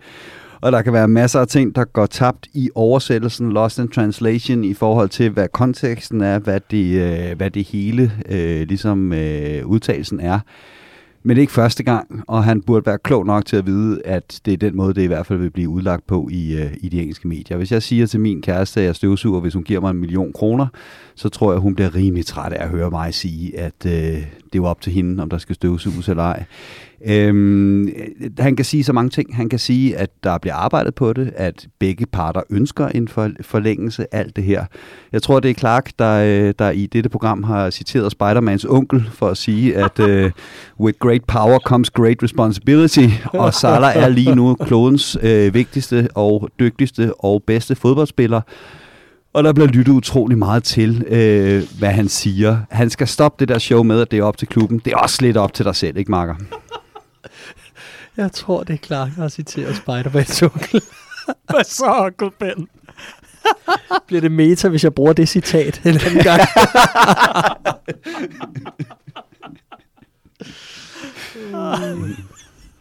Hold kæft, det er godt. Nå, huha. Mm. Vi skal have nogle lytterbud ind, Onkel Ben. Åh, oh, vidunderligt. Morten Groth på Facebook skriver, Birdie, hvordan pokker kunne Shota brænde den chance? Balotelli havde skudt den ind. Solanke. Ja, Solanke havde i hvert fald. Han er on fire lige nu i championship. Ja. Du fik jo ret, Clark. Jeg fik nemlig ret. Watch it happen. Vores kommende nummer 9. Vores kommende nummer 9. Og ellers så er øh, birdierne rimelig spredt ud omkring den der Shota-chance. Daniel øh, Wigman, tror jeg man udtaler som, eller Wigman, øh, skriver, Birdie, at Origi nok aldrig får den statue foran Anfield, som han snart fortjener. Det gør mig en smule ked af det. Bare rolig. Han får en statue på poppen. Daniel, redmanfamily.dk. Lad os få det til at ske. Skriv til mig. Endelig. Men der er jo ikke rigtig nogen birdies. Øhm, Marie Hansen er jo egentlig meget godt inde på det. Det her med, at Everton-fans, der buer af Virgil van Dijk, det var også ja, bare sådan super usportsligt. Sygt mærkeligt. Sygt altså. bøvet. Altså. Jamen, det, det er bare... Det, det, er, Altså, ja, der- Prøv at tænke, Nederen- men prøv at tænke, prøv at tænke på at tage det og filme så langt, at man sidder ude i et år. Ikke? Altså, han har ikke, han har ikke fejlet en skid. Han har ikke fejlet en skid. Oh, ja. Grise for helvede. Du, du smider onkel Ben, og nu smider du den her. Altså, hvad er det for noget? Lad os få fat i nogle billeder. Der, der er ingen grund til at hæfte sig ved det negative. Det går jo så godt. Riese, lad os så høre, er der et Spider-Man-citat yderligere, du kan byde ind med her? Nej, men det er næsten lige så godt. Uh, jeg har faktisk taget det her pressemøde op til Milan, uh, hvor at den kære Kostas Timikas er ude og snakke om, at han prøver på at, at snakke skavs, men han kunne se, hvor, uh, hvor galt det gik for, uh, for Fabinho, da han i sin tid kom, uh, kom fra skade og sige uh, chicken på utrolig uh, brasiliansk skavs. Uh, og det er selvfølgelig, dels er det skide morsomt og, og alt det her, og det er lidt skævt osv., men faktisk er der også en dybere pointe med det, som er det her med, at Liverpool har en trup, hvor det er jo enormt vigtigt, at vi har de her udadvendte typer, vi kan smide ud og give pressen det, de gerne vil have.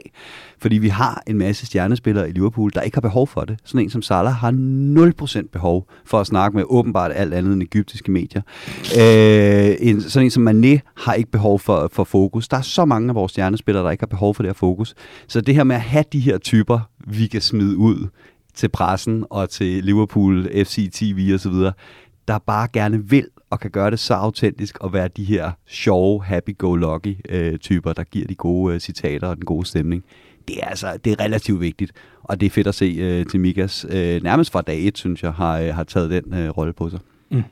Clark, din Jamen, billeder. min billeder handler faktisk også lidt om uh, Kostas Tsimikas, sjovt nok. Øh, fordi ja, han har overtaget Dejan Loverens rolle i Præcis. truppen som Mohamed Salahs bedste ven, og det er, øh, det blev meget hurtigt bemærket. Han var en spiller, der øh, blev øh, talt op af øh, alle de her talerør for klubben, James Pierce og så videre, i sidste sæson, øh, da han ikke spillede, øh, på trods af at mange fans slet ikke så, at han havde niveauet og alt det her. Øh, men nu ser han sågar også ud til at være vågnet op, rent bogstaveligt, fordi da Divock Origi, han banker denne her kasse ind til 1-0 i tillægstiden, og Klopp han har fat om halsen på øh, Timikas i hans øh, fuldstændig ukontrollerede jubelscene ude på sidelinjen. Jamen der var der jo flere, der lagde mærke til, jamen han har jo ikke længere render under øjnene. Jeg åbner øjnene. Og det ligner jo faktisk, at han har været inde under kniven og få øh, fjernet nogle af de her poser, han har, øh, han har siddende under øjnene. Prøv lige at lægge mærke til det. Jeg har ikke fået den bekræftet. En Liverpool-spiller, der har fået lavet en kosmetisk operation. Åh, nej. Nu står verden ikke længere. Men, øh, men En det, Liverpool-spiller, der ikke har fået ordnet tænder, men har fået ordnet poserne under øjnene. Det er da breaking. det må man sige, det må man sige. Men øh, ej, øh, spøj til side, så øh, selvfølgelig den her, den her helt fantastiske scene omkring Origis mål, som selv fik øh, Timikas til at se frisk ud. Det var fedt, og Timikas sagde jo også selv på, øh, på pressemødet efterfølgende, eller op til den her Milan-kamp, hvor Klopp, øh, at, at han blev spurgt ind til det med, at Klopp havde fat i ham, sådan øh, re- rigtig klopsk jubelscene, hvor han slet ikke tænker sig om, og bare hiver fat i det nærmeste og det næste. Og han får fat i Timikas, og det ser jo meget voldsomt ud. Øh, og så siger Timikas, ja, jeg håber, jeg kan spille i morgen. Ikke? så, øh, ja, Klasse. fantastisk. Han er god. Der er rigtig mange gode bud for lytterne, så lad os få skudt dem afsted. Blandt andet Elise Red Bull, der skriver, Bella, Saturday night, and I like the way you move. Divock Origi. Så har vi øh, Henrik Hække Markusen, der skriver, Bella, øh, det er Timikas, siger det bare, og så er der netop den her videosekvens, og den sidder vi og ser imens. Altså Jürgen Klopp, der er i gang med at, at, at, at sådan en wrestling-greb mod Kostas Nær- Timikas. Nærmest halshug, Kostas Timikas. fuldstændig. Hold nu kæft. Sune Olsen skriver, at det vil være let at uh, give Bella en til Origi, men så skal han dele den med Van Dijk og Salah. Er du gal? En lang, præcis violin af Dijksen genialt kælenavn. Og en klasse retningsbestemt tæmning af vores egyptiske konge. Jeg vil give, gerne min mand gave væk for at, de, øh, at få det mål igen. Inde på Facebook-siden er der altså også ret mange gode. Øh, Jonas Bøjsen er øh, åbenlyst meget, meget enig med, med flere, men han skriver Bella Thiago, der begynder at ligne en rigtig Liverpool-mand på den midtbane. der har vi øh, absolut bred enighed her i panelet om, at han øh, virkelig har en rigtig, rigtig god stime lige for tiden. Så har vi øh, Michael Schmidt, der skriver Bella, alle der støttede Christmas Charity-indsamlingen. Helt enig. Og i det hele taget er det bare Origi, Origi, Origi, Origi, Origi. Øh, vi har faktisk også, jeg tror, at det endnu en gang her, eller er det en af de andre sider? Men øh, der er der faktisk en... Øh, jo, der har vi Henrik Hække igen, og det er også på Facebook. Bella, Harry Kane har scoret et mål i Premier League den sæson. Origi har øh, spillet 38 minutter og scoret to mål. Det er klasse. Det er nemlig klasse. Og så til sidst, Riese. Lad det være en, øh, en segway eller et oplæg, om man vil. Lad det være en øh, Van Dijk-bold frem til dig, og så kan du ellers sejle den afsted. Fordi øh, Marie Hansen skrev Bella, ud over den åbenlyse Origi-scoring, så var det, at jeg endelig fik tid til at læse Mentale Monstre, Erobret Europa og Forbandelsen Brudt. Og hermed en lille opfordring til alle, der elsker Liverpool, og endnu ikke har læst dem. Gør det for satan!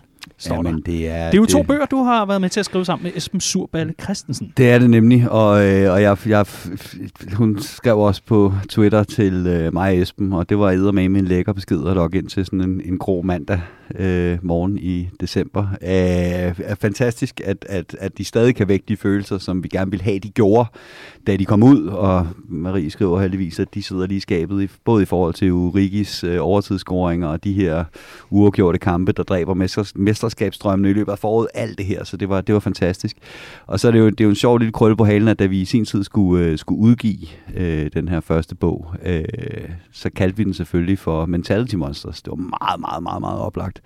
Øhm, og så en uge inden den går i trykken, så lægger Paul Tompkins et billede af sin nye bog på Twitter. Så er min nye bog kommet fra trykken. Ej, hvor jeg glæder mig til, at jeg kan sende den ud. Og den hedder Mentality Monsters. Så øh, vi måtte i hui og hast holde trykken og give den et nyt navn, så så blev Mentale øh, Monster Europa Europa. Øh, og i Paul Tompkins Mentality Monsters, der har han jo lavet det, der hedder Postscript, sådan efterord, man sådan får med i sidste øjeblik, noget man ikke kan nå at flette ind. Og det er bare en side, hvor der står de var Gurigi 100 gange. og den, øh, den tog jeg lige et billede af efter kamp mod Wolves dag på, på Somi, og sagde, at øh, den havde jeg lige haft lejlighed til at genlæse. Der var nogle ret gode pointer i den, ikke? Det er jo På den fantastisk. side. Præcis, præcis. Og Clark, du har jo også en selvbiografi på vej. Mit liv som Uncle Ben, Præcis. som jo kommer på Hitman Family Shoppen. Med, med efterord i meget samme stil. Peter Parker, Peter Parker, Peter Parker.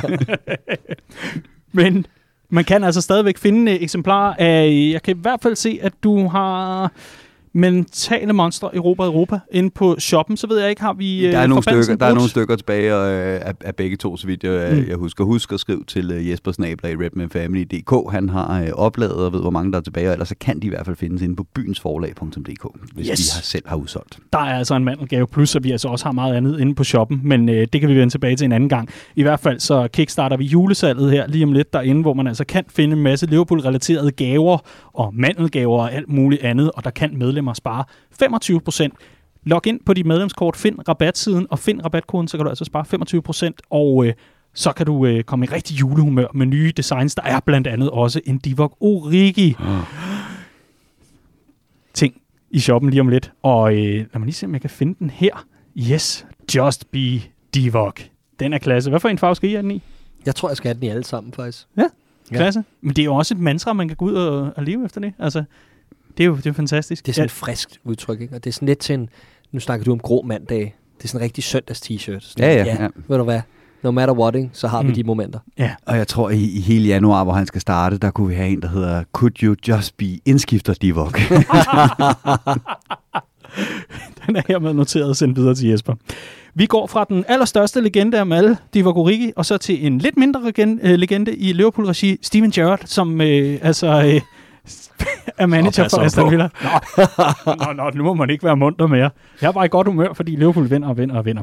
Liverpool, de øh, møder altså Aston Villa i den, øh, i den kommende Premier League-runde. Det gør de her i weekenden 11. december klokken 16.00. Der kommer Aston Villa på besøg på Anfield, og det er et mandskab, som har fået øh, vind i sejlene, efter Steven Gerrard har overtaget fra Dean Smith, som er rykket videre til Norwich. Tal lige om at få byttet rundt på de forskellige managers. Men Steven Gerrards Aston Villa, det bliver ikke mere underligt, var Riese?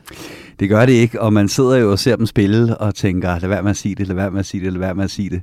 de spiller lidt ligesom Liverpool, gør de ikke? Øh, han har virkelig fået installeret noget, øh, noget front footness og noget øh, heavy metal og noget nosser på det hold. øh, de, de, de, de tror på tingene, og de, øh, de spiller med mod, og det har de ellers ikke gjort længe under øh, Dean Smith. Så fremragende start for, for Steven Gerrard i, øh, i Aston Villa. Øh, det bliver mærkeligt at se ham komme på Anfield som øh, manager for en klub, uden tvivl.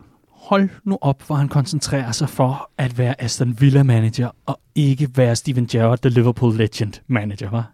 Tænk, det synes jeg faktisk ikke, han gør. Jeg synes, Synes det du? falder ham meget naturligt. Og Det jeg, synes du? Ja, det synes jeg. Det Okay. synes jeg virkelig. Uh, jeg synes, han virker til at være noget helt andet, end det han var som, uh, som Liverpool-kaptajn. Han virker meget mere afdæmpet. Han virker meget mere... Øh, øh, som om han ikke lader følelserne være ude på tøjet. Øh, og jeg synes, at han har opbygget noget på meget kort tid, som er utrolig lovende, hvis vi netop tager Liverpool-brillerne på. Øh, fordi som du siger, en ting er måden, han spiller på. En anden ting er, at han har gjort Villa robuste. Og det var nok den største opgave, jeg, jeg, jeg så ligge foran ham. Det var, at når sådan et hold har tabt fem kampe i streg, som de havde inden Jared kom til, hvordan sætter du en prop i, og samtidig går op og spiller front foot football, og, og, og har tro på tingene. Og det har han bare, eller det har de bare, Villa. Øh, de ser utrolig gode ud på dødbolde. Noget, vi måske har haft allerstørst problemer med i øh, blandet kamp mod West Ham, men, men det har været sådan den måde, der har været nemmest at ramme os på i den her sæson, synes jeg. Øh, meget atypisk. Øh, så der venter en opgave øh, for os, og jeg er spændt på at se, om han kan tage det med til Anfield, den her attitude. Om det virkelig er, som du siger, noget han prøver på at være, eller om det er noget, han har. Men jeg tror, at Steven Gerrard vil være så topmotiveret for at gå toe-to-toe med Jürgen Klopp og vise omverdenen, og især de øh, 54.000, der kommer til at sidde på Anfield på lørdag, at øh, det er ham, der skal følge hans Og vi har jo, altså, vi har jo set en Liverpool-legende fra øh, Istanbul, Mirakel Istanbul, vende tilbage som, øh, som manager. Jeg tænker selvfølgelig på øh, Mauricio Pellegrino, der kom tilbage som Southampton-manager øh, på Anfield. Øh, det han er mest kendt for i øh, Istanbul-finalen, det var, at øh, Milan efterlod deres sølvmedaljer dem var han inde og stjæle i deres omklædningsrum og dele ud til, øh, til staben. Øh, ellers så spillede han cirka 0 minutter i, i den sæson. Så, øh, så det, det, det, det har vi jo prøvet før. Men Risa, det er dig og mig, der har talt om, at Steven Gerrard, noget af det vigtigste, han overhovedet kunne gøre i Aston Villa, og grunden til, at jeg åbner lige præcis med, øh, med det her med, at han er koncentreret, det er netop, at hvis han på nogen måde skal have opbakningen, ud over selvfølgelig at få gode resultater, så er det altså også at lægge en gedin afstand til, ikke afvise, at han har den fortid, som han har, fordi der står altså Liverpool nærmest med tribal-tatoveringer i ansigtet på ham. Øhm, men, men det er netop lige præcis at træde i karakter som værende Aston Villas ambassadør, og det er jo lige præcis det, han knokler allermest for, i hvert fald udadtil. Så er der jo selvfølgelig, hvad man gør indadtil og på træningsbanen og i selve opgørende. Men det var det, vi to talte om i hvert fald i sin tid, at nu var det rigtig, rigtig vigtigt for ham at træde i karakter som Aston Villa- Villa-manager og intet andet. Du kan jo se, hvordan det ser ud over i Everton, hvor at hver eneste gang Everton, øh, der er noget, der går dem imod, så bliver der smidt efter Rafa, at han jo i virkeligheden er øh, Liverpool-mand. Ikke? Og det er derfor, vi et eller andet sted snakker om det her dilemma, der står imellem, at hvis ikke Steven Gerrard får fansene med, så har han 0% chance for at lykkes i Aston Villa. Han får kun fansene med, hvis han får formuleret, at han ingen intentioner har om at blive Liverpool-manager efter Jürgen Klopp. Og han bliver ikke Liverpool-manager efter Jürgen Klopp, hvis ikke han lykkes i Aston Villa. så øh, så det, det er lidt det dilemma, han, øh, han står i. Ikke? Jo, men og det- derfor jeg er enig med, med, med Clark i, Mm. at jeg synes egentlig, han har, han har indtil videre spillet den 100% perfekt. Ja, det synes jeg også, fordi han har ikke afvist, at, øh, at, at det, er, det er det, der er tilfældet, at han drømmer om at blive Liverpool-manager. Han sagde jo, da han blev spurgt direkte ind til det på et af sine første øh, pressemøder, at øh, det er okay at have drømme. Det har han altid sagt. Øh, men hans fokus var et andet sted nu her. Og så synes jeg, at han var meget, meget kontant i sin udmelding omkring, da han blev spurgt efter Leicester-kampen, efter de vinder her. Nå, nu, vender et, øh, emo- nu venter et emotionelt øh, øh, møde med Liverpool. Nej, sagde han bare. Det er, for mig handler det om at vinde, og jeg synes bare godt, man kan mærke på Gerrard, at for ham, der handler det om hans karriere, fordi hvis ikke hans karriere, den øh, kommer på skinner, så er det lige meget med, hvad Præcis, han drømmer om øh, i forhold til at, at overtage Liverpool. Eller, Øhm. eller blive assistent for Lenders, ikke? Jo, præcis. Altså, men at, lige nu, der synes jeg bare, jeg havde regnet med, at det ville være sværere for Steven Gerrard, det her. Jeg synes, det falder ham meget naturligt. Sådan er der nogen, der tolker det. Ja. Jeg, øh, jeg er ikke overbevist overhovedet. Jeg tror ikke en døjt på det der. Men øh, sådan er der så meget. Tror du, at han, øh, han kommer med 95 procent ind til kampen på lørdag, i stedet for 100? Nej, nej, nej, overhovedet ikke. Det er det. overhovedet ikke. Men, men det er mere det der med, jeg tror også, jeg sagde det, da han blev ansat som, som Liverpool manager, at vi skulle, vi skulle forberede os på nogle meget usentimentale udtalelser, Mm. når han kom tilbage på, øh, på Anfield. Ikke? Mm. Øh, og det, det, det er 100% nødvendigt for ham at, at, at blive 100% Aston Villa manager. Altså fordi han skulle, han skulle afløse Dean Smith. Dean Smith var ikke nødvendigvis en rigtig manager for Villa, men han var boyhood Villa-fan. Jeps. De er rasende over, at han blev fyret, fansene. Så hvis, hvis Steven Gerrard skal have fansene over på sin side, så går det ikke, at han render rundt og er skabs Liverpool-fan. Mm. Og så er det okay at være på julekort i privaten med alle andre, der er i omkring klubben. Sportsligt, der har vi talt om øh, dødboldssituationer i hvert fald fra Aston Villa. Er der andet, vi kan notere os i forhold til den øh, modstander, vi altså har i den kommende weekend? At det er et hold, der stadig øh, ruder rundt nede midt i tabellen, og som selvfølgelig er til at tale med. Jeg synes, når man så den kamp mod øh, de to kampe, de har haft den sidste, sidste uges tid mod Manchester City først, hvor de jo egentlig gør god figur, men stadig lukker to mål ind. Øh, de tendenser fortsat lidt mod Leicester, hvor de øh, så lovende ud langt hen i kampen, men hvor der også var åbent tilbud den anden vej. De har, øh, når de rammer dagen, en god øh, centerback du i Konsa og Mings, øh, og så har de en af ligaens bedste målmænd på stregen i Martinez. Men der er altså hul igennem, og der er mulighed for at skabe chancer mod det her Villa-mandskab. Selv i den kamp, vi taber 7-2 til dem sidste år, fuldstændig sindssyg coronakamp øh, på Villa Park, der skaber vi også bunkevis af chancer mod det her Villa-hold, og det var endda, da man snakkede allermest om, at deres defensiv var konsolideret. Så det er et hold, hvor chancerne skal nok opstå, og så, øh, så handler det ellers mm. om, at vi skal holde dem fra, eller vi skal holde os fra at give dumme dødbolde væk, eller vi så øh, lidt være tendensen igen på Goodison Park. Og så er det jo et hold, der har prøvet at lave en Suarez øh, med at skulle afløse en over Yes. al overskyggende stjernespiller med alle de penge, man fik, og så prøve at gøre det med flere spillere, altså opgradere selve holdet.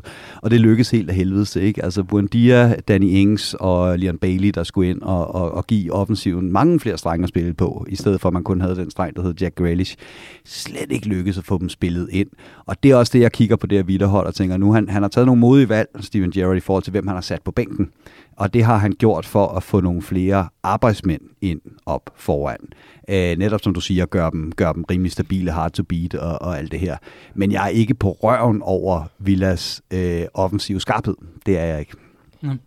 Det er jo altså et øh, Aston Villa-mandskab, som jo øh, altså lige nu er en del af den der øh, transformation, som Aston Villa er i gang med i de her år. Altså der er jo kommet, øh, der er for alvor kommet penge ind i klubben. Man har, man har virkelig brugt nogle, øh, nogle, nogle midler på at få forstærket truppen og netop få spillet dem ind til at være i hvert fald en del af subtoppen i engelsk fodbold. Det er jo en fodboldinstitution for dem, der kan huske fodbold fra før 2013-14 sæsonen for Liverpool-regi. Det er en stor klub med en stor historie og en stor betydning for Birmingham-området. Så det er altså også en, øh, hvad kan man sige, en selvforståelse, som virkelig også øh, på den, på den vis også skal, skal leves op til, når det kommer til for eksempel en manager som Steven Gerrard, at han så også træffer de beslutninger, der får dem derop, fordi de vil altså råskide på, i hvert fald fansene kunne jeg- går jeg ud fra, vil råskide på, jamen, hvem, hvem det er, der spiller, og hvordan, så længe at de bare får de resultater, der får dem tilbage igen på det plateau, hvor man egentlig regner dem for at være. Men en sjov ting, jeg lige lagde mærke til i forhold til kampprogrammet for Aston Villa, det kan godt være, at det er lidt spøjst, at deres manager og uge vender tilbage på Anfield ugen efter mødet i Norwich. Ja, ja, lige om det. Præcis. det er altså alligevel lidt af en uge, der venter forud. Men øh, Liverpool, i forhold til at øh, få brudt dem ned, nu har vi talt om, hvad Aston Villa kan, og øh, det her øh, freak-resultat i coronasæsonen, hvor vi taber 7-2 til dem. Clark, hvad er det, Liverpool skal lykkes med på dagen mod, øh, mod Aston Villa for at øh, få nedbrudt dem? Hvor er det, du ser deres øh, klare svagheder? Jamen, vi skal spille hurtigt, og vi skal spille ind omkring deres, øh, deres centrale midterakse langs jorden. Øh, jeg synes jo, at i lange perioder Tyrone Mings har været øh, super overvurderet. Øh, alene på grund af sin presence fysisk, og øh, fordi at han har nogle, nogle lederegenskaber, og øh, han fylder meget på banen og så videre, men han er også, øh, han er også tung. Og jeg synes, i opgøret mod Arsenal, især tidligere på efteråret, så vi Aston Villa blive udstillet. Men de taber 3-1 på Emirates øh, mod et Arsenal-hold, der bare trykker på, spiller kombinationsfodbold, spiller hurtigt langs fødderne på de tunge drenge. Og det lykkes altså bare, øh, så skal det nok komme i sidste ende. Og det er det, vi skal ind og lykkes med. Øh, kombinationerne mellem de tre forreste. Og så forventer jeg jo, øh, at der bliver øh, genvalg til de her tre. Øh, øh, som vi kalder den bedste midtbane øh, i, hos Liverpool i, i Thiago, Henderson og Fabinho.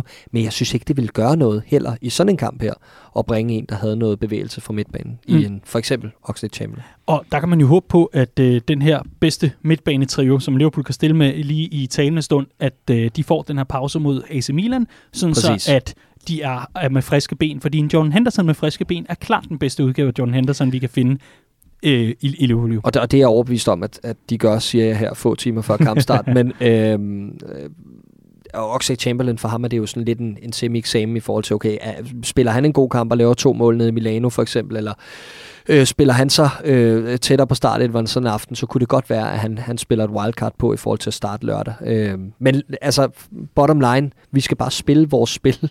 Vi skal spille de her hurtige kombinationer ind omkring øh, Villas forsvarsspillere. Gør vi det med den selvtillid, vi har set de sidste to-tre uger, jamen så bliver det ikke et problem. Mm. Jamen, ja, en det... sidste pointe i forhold til Liverpool, og hvordan man skal gribe op, opgøret an? Nej, men jeg, jeg er egentlig meget enig, men, men derudover vil jeg påpege, altså nu har Aston Villa har brugt rigtig mange øh, penge, men, men har jo fået en polsk land, så spiller helt gratis øh, i Matty Cash. øhm, og, og han har faktisk været rigtig, rigtig god, men til gengæld så synes jeg, at deres venstre side har været til at tale med, altså med Target derude, og, og der har været byttet lidt rundt og så videre. Så, øh, så øh, det, det, er, det er Salah time i den og, her. Og det er også der, Mings ligger, ja, så ja, præcis, det er også der, præcis, jeg ser muligheden. Det, det, uh, det, det, det, det er Salah time. Har I øh, bud på en startopstilling, eller vil I bare direkte til øh, bud på resultat? Jeg tror, det bliver samme elver, som vi har set de sidste to kampe. Yes. Øh, to Premier League-kampe. Mm. Enig. Ja. Resultat? 3-0 Liverpool. Øh, 3-1 Liverpool. Ja, det lyder rigtig rart. Det var øh, den her udgave af Copcast med mig i studiet, der havde Andreas Brøns Riese og Clark James. Mit navn er Dan Siglau. Hvis du kan lide det, vi laver i Copcast, jamen så er der faktisk en direkte måde at øh, støtte op om arbejdet på, og også fællesskabet. Det er ved at blive medlem. redmanfamily.dk Klik på den knap, hvor der står Bliv medlem. Og, ja, du gætter rigtigt, bliv medlem, for så støtter du altså op om arbejdet og får meget mere Copcast fremadrettet. Vi er så småt ved at øh, fade ud for øh, kalenderåret 2021. Jeg tror, det her det er vores øh, anden sidste, tredje sidste, nu ved jeg ikke, det er, tredje sidste øh, udsendelse. Nu øh, skal vi lige sidde og regne. Der ja, er ingen, der styr på det. Sidste. Hvornår er det jul? Og alt det der. Og vi har også en julespecial, der skal i kassen og så videre. Så der er trods alt lidt tilbage, men hvis man vidderligt kunne tænke sig mere Copcast, også fremadrettet, så er der altså en direkte måde at gøre det på. Bliv medlem, vi vil blive så glade. Og så kan du samtidig også støtte op om din lokalafdeling, der hvor du hører til. Det er jo altså nu engang sådan, at i det danske land, også selvom at øh, selvforståelsen nogle gange er sådan, at der kun er en hovedstad, og så er det resten ligesom op til det, så er der jo rigtig mange steder, man kan blive medlem. Der er rigtig mange lokalafdelinger, hvor man gør et fantastisk stykke arbejde for at samle danske Liverpool-fans på øh, tværs af regionerne, og øh, det er vi dybt taknemmelige for lad os nu se, hvordan det udvikler sig med alt det her smitte og så videre. Det kan godt være, at det fysiske fremmøde det bliver en lille smule begrænset lige i øh, de her uger og måneder, men vi lover, at lige så snart, at det er tilladt, og øh, lige så snart, at det giver god mening for alvor at samles mange, så vil der være fester rundt omkring, og der er det bare langt sjovere at være medlem, så man også kan få en billet, eller billigere spisning, eller billigere øl, øh, med sit medlemskort. Så meld ind, og tusind tak for støtten. Husk at holde øje med Redman Family Shoppen, hvor vi altså åbner for julesalg og 25% rabat indtil øh, mandag den 20. december, mm. tror jeg, ved middagstid, hvor vi sender Jesper på juleferie. Lige nu har vi sendt ham til Milano, så han øh, kan få en øh, frisk oplevelse med Liverpool på San Siro, og så håber vi, at han kommer sikkert øh, tilbage, sådan, så han kan stå for øh, alt, hvad der hedder for sendt pakke og alt muligt andet sted. Men husk det nu, redmanfamily.dk. Log ind med dit medlemskab, find rabatkoden og spar 25% lige ind til 20. december. Det bliver ikke meget nemmere. Det her, det var Copcast. Tusind tak, fordi du lyttede med.